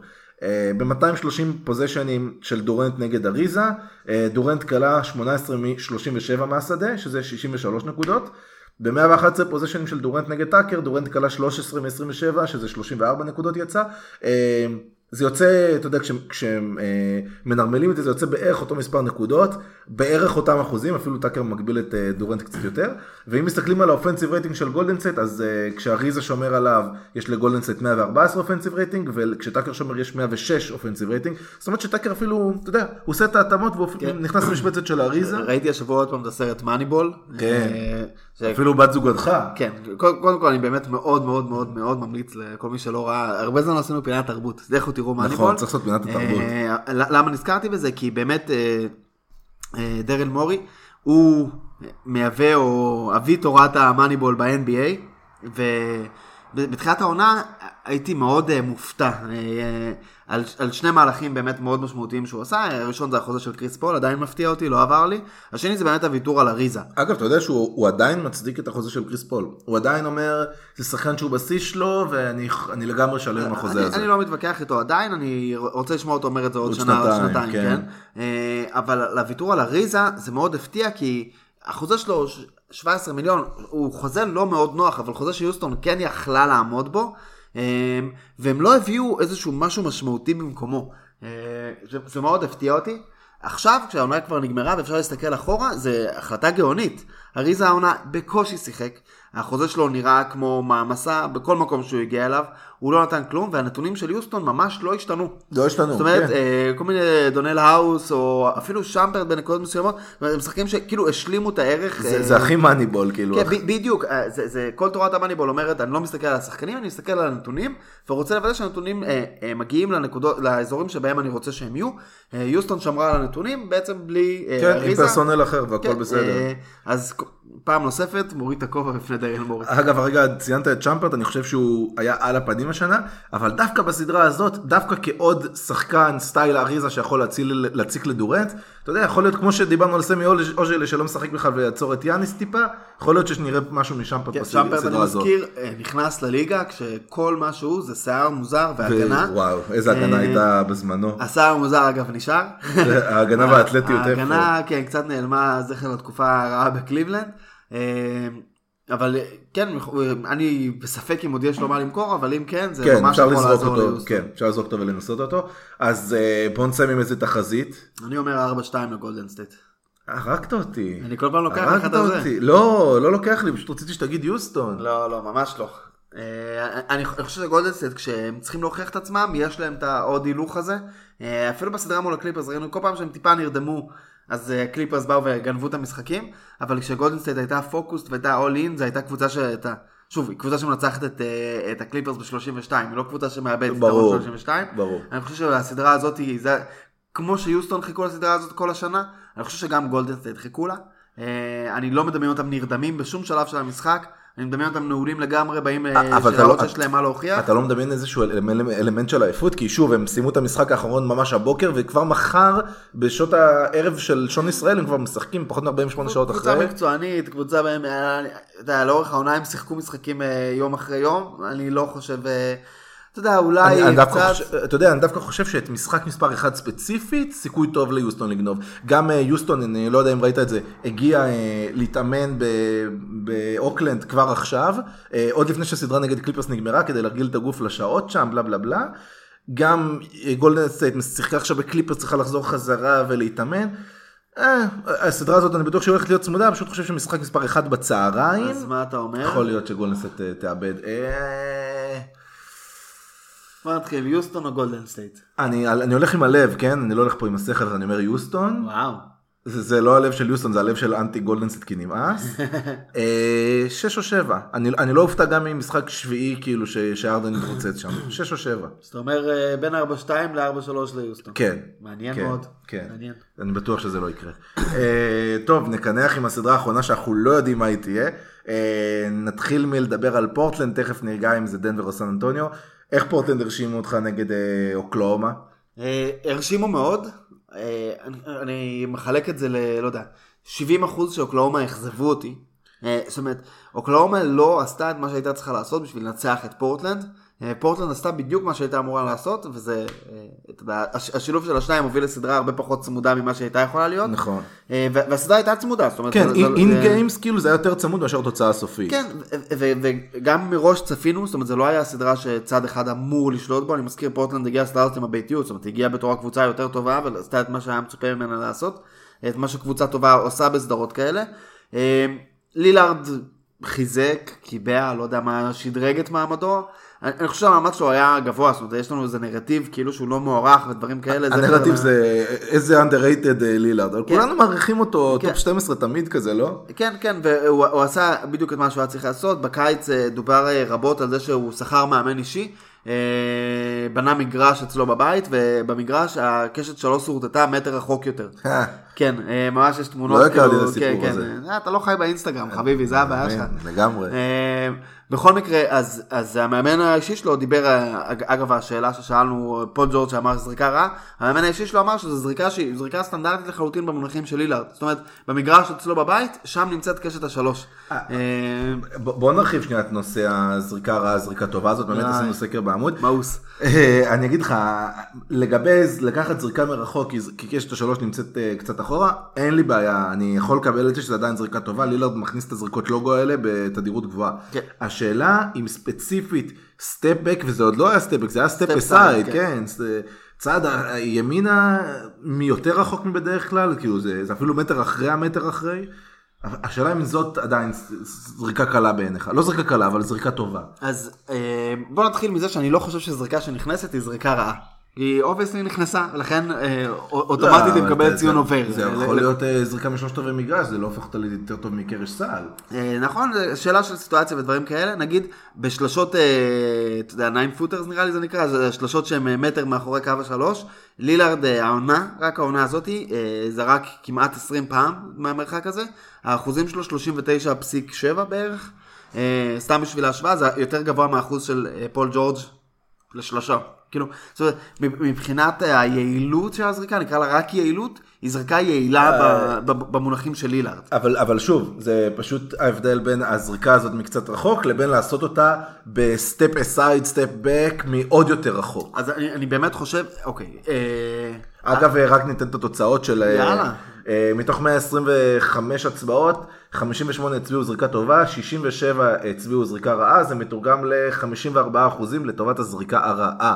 אני מאוד גאה בעמוד הזה, שתדע, אני מאוד מאוד גאה בחבר'ה. אה, ושילמת, אני מניח, לחלקם. שילמתי לכולם. אה, יפה. רק- רק ל-54 שילמת, 54 אחוז. בכל מקרה, מה שאני אומר, הסיטואציה, על פניו, במה שנקרא כדורסל קלאסי, אה, OKC הוא מעבר לעבירות. זאת אומרת, כל אה, מגע, כל. כל- כל עבירה שלילארד היה סוחט, מגיע לקו. מגיע לקו. על, שוב, אני, אני מניח שבחוכמת משחק או במשחק הישן, במשחק הקלאסי, אה, מה שזה אומר בפועל זה שלילארד צריך להיכנס. בפועל בפלייאוף הם מקבלים קצת פחות שריקות. וגם אה, פול ג'ורג' היה עליו שהוא שומר מעולה. ופול ג'ורג' באמת, אני, אני באמת חושב שהסיטואציה הייתה בידיים של לילארד והוא רצה לשמור אותה ככזו.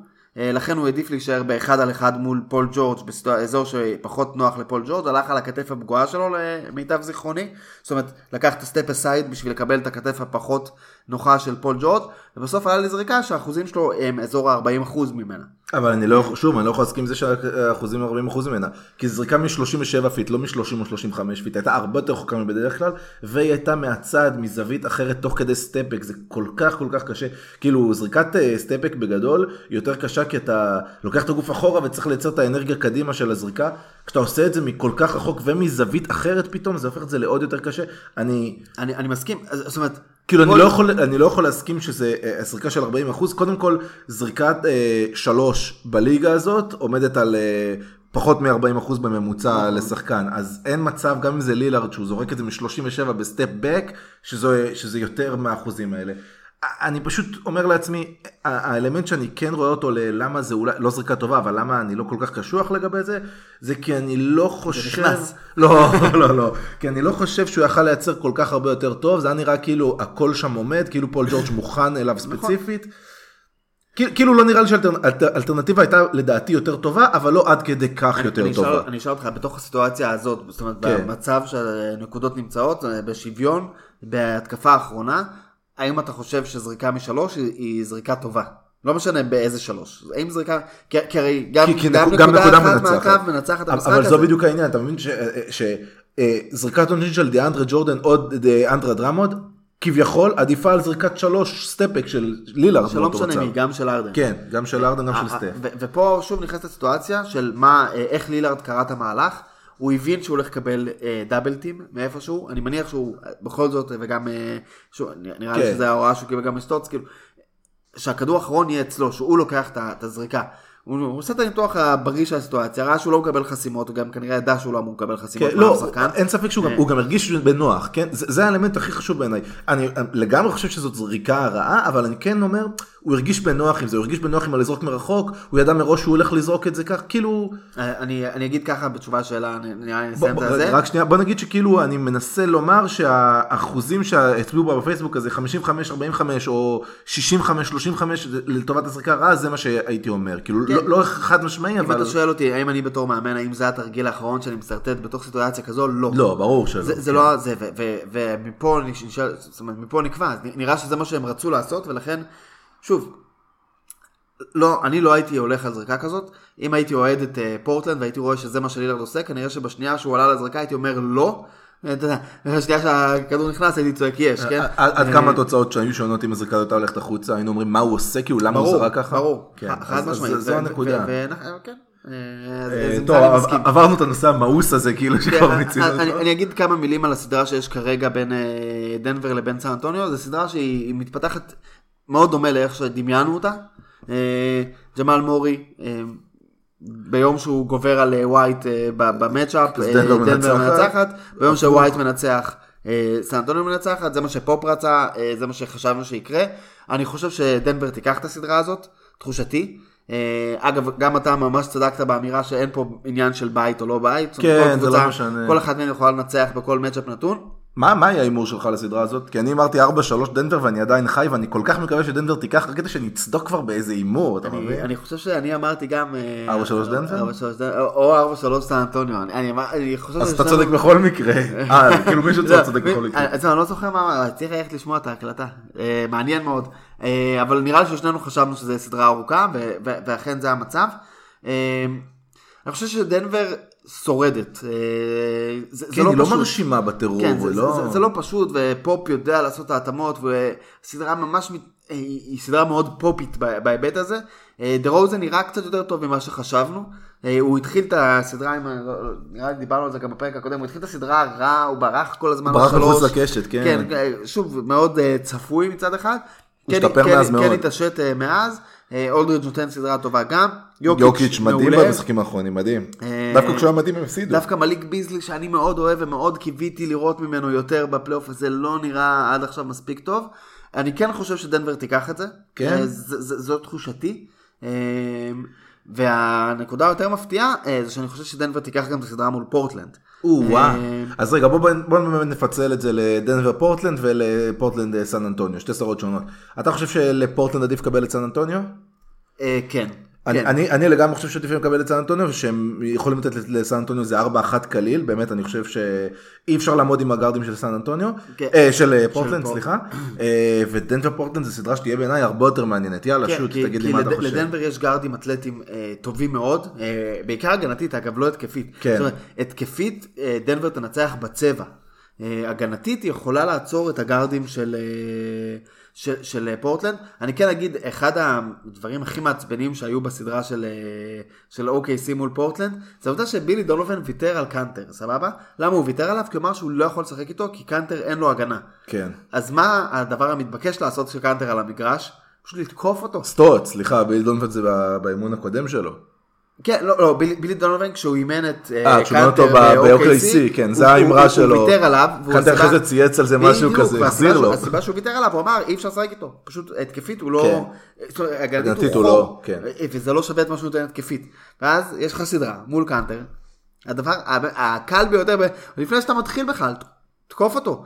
וקאנטר במשחק- היה בפלוס, לא יודע כמה, אבל בפלוס מינוס מטורף. אז, אז אני אגיד לך במשחק מספר 1 משחק מספר 2 ווסטבוק הכניס כדורים לאדמס בפוזיישנים הראשונים ושם זה נגמר. כן, כן, כן. פשוט זה ו- לא יאומן. זה, זה ממש היה... אה, אדמס אחת ה- אחת האכזבות שלי בפלייאוף הזה. אז דונובן הוא האכזבה שלי דונובן? ולא אדמס. אדמס כשהוא קיבל את הכדורים הוא עשה מה שצריך לעשות אבל הוא קודם כל הוא לא קיבל מספיק כדורים. כן, אבל לא היו תרגילים לא היו חילופים. אני מסכים לגמרי לא שיחקו עליו מספיק מצד שני הוא סיים הוא שחקן של הוא מרוויח כמעט 26 מיליון דולר לעונה הוא סיים את הסדרה הזאת עם 11 נקודות ו7 ריבאונדים נגד שחקנים כמו קאנטר או נגד שחקנים בלי נורק כאילו זה, זה מעט מדי. כן, כן, אה, באמת כל סיטואציה של OKC התחושה הייתה רס מקבל כדור אומר אוקיי בוא נראה מה יש לנו פה ואז נחליט. ולא לא היה שום מצב שבו הרגשת שבילי דונובן מנסה לייצר את הסיטואציה הזאת.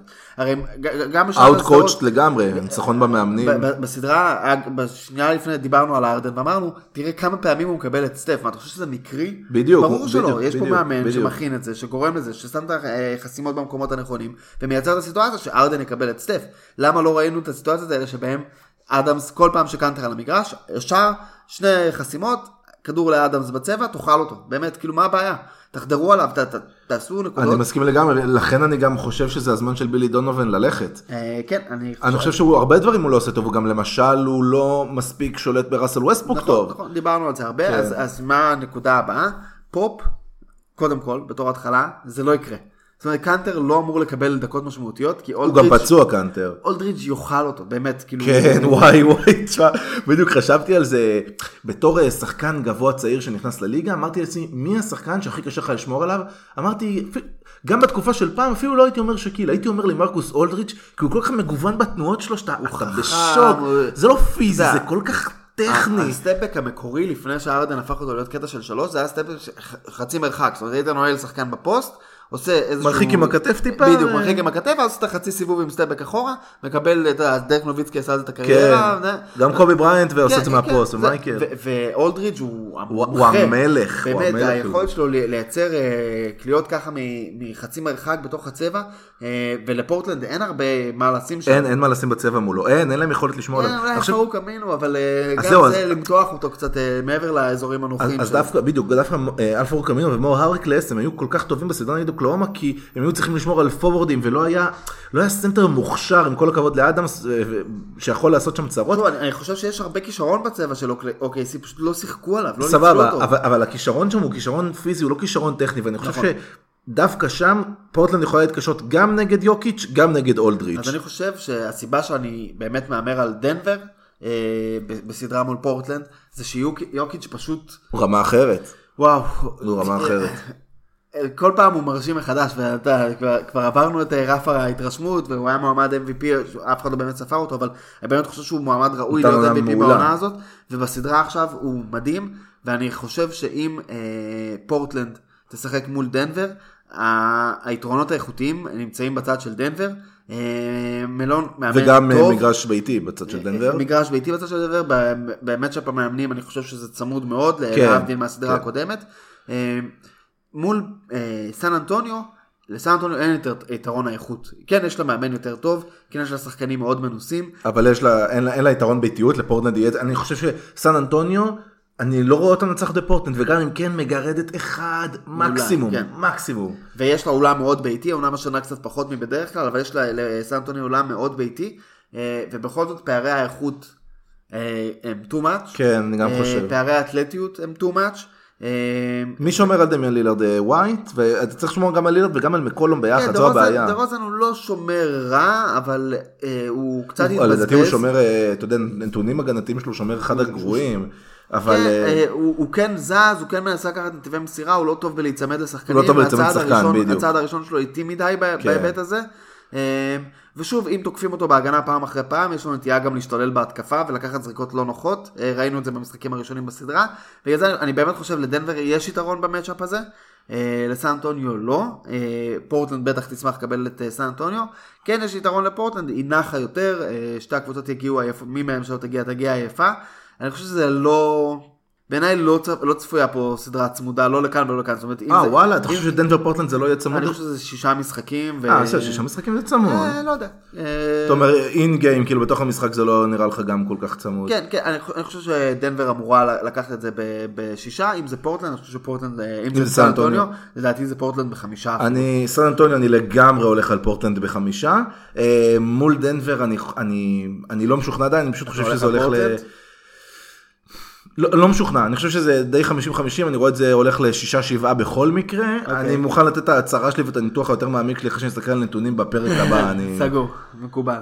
מקובל, סבבה. אבל אה, הנה, התחיל הפלייאוף סוף סוף. איזה יופי, איזה, איזה יופי זה לקום עכשיו כל, כל לילה או כל בוקר ולראות כל פעם שאתה נופל, כל יום שאתה נופל עליו משחק טוב. לכל המאזינים, אם הספיקו לשמוע את זה ביום שבת, שזה היום שבו הקלטנו, ביום ראשון יש לכם שני משחקים מוקדמים. מטורפים, בשעות סופר נוחות, פשוט כן, שמונה. בערב אה, בוסטון מילווקי, במילווקי כמובן, ועשר וחצי גולדן סטייט. יוסטון. איזה כיף יהיה. חשמל.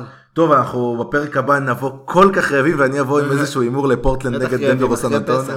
כן, וואו. אנחנו כל כך שומרים פה על החמץ. כן. אה, בקיצור, אה, בואו נמשיך ליהנות ונתראה בפרק הבא. ביי ביי חברים. סוויש.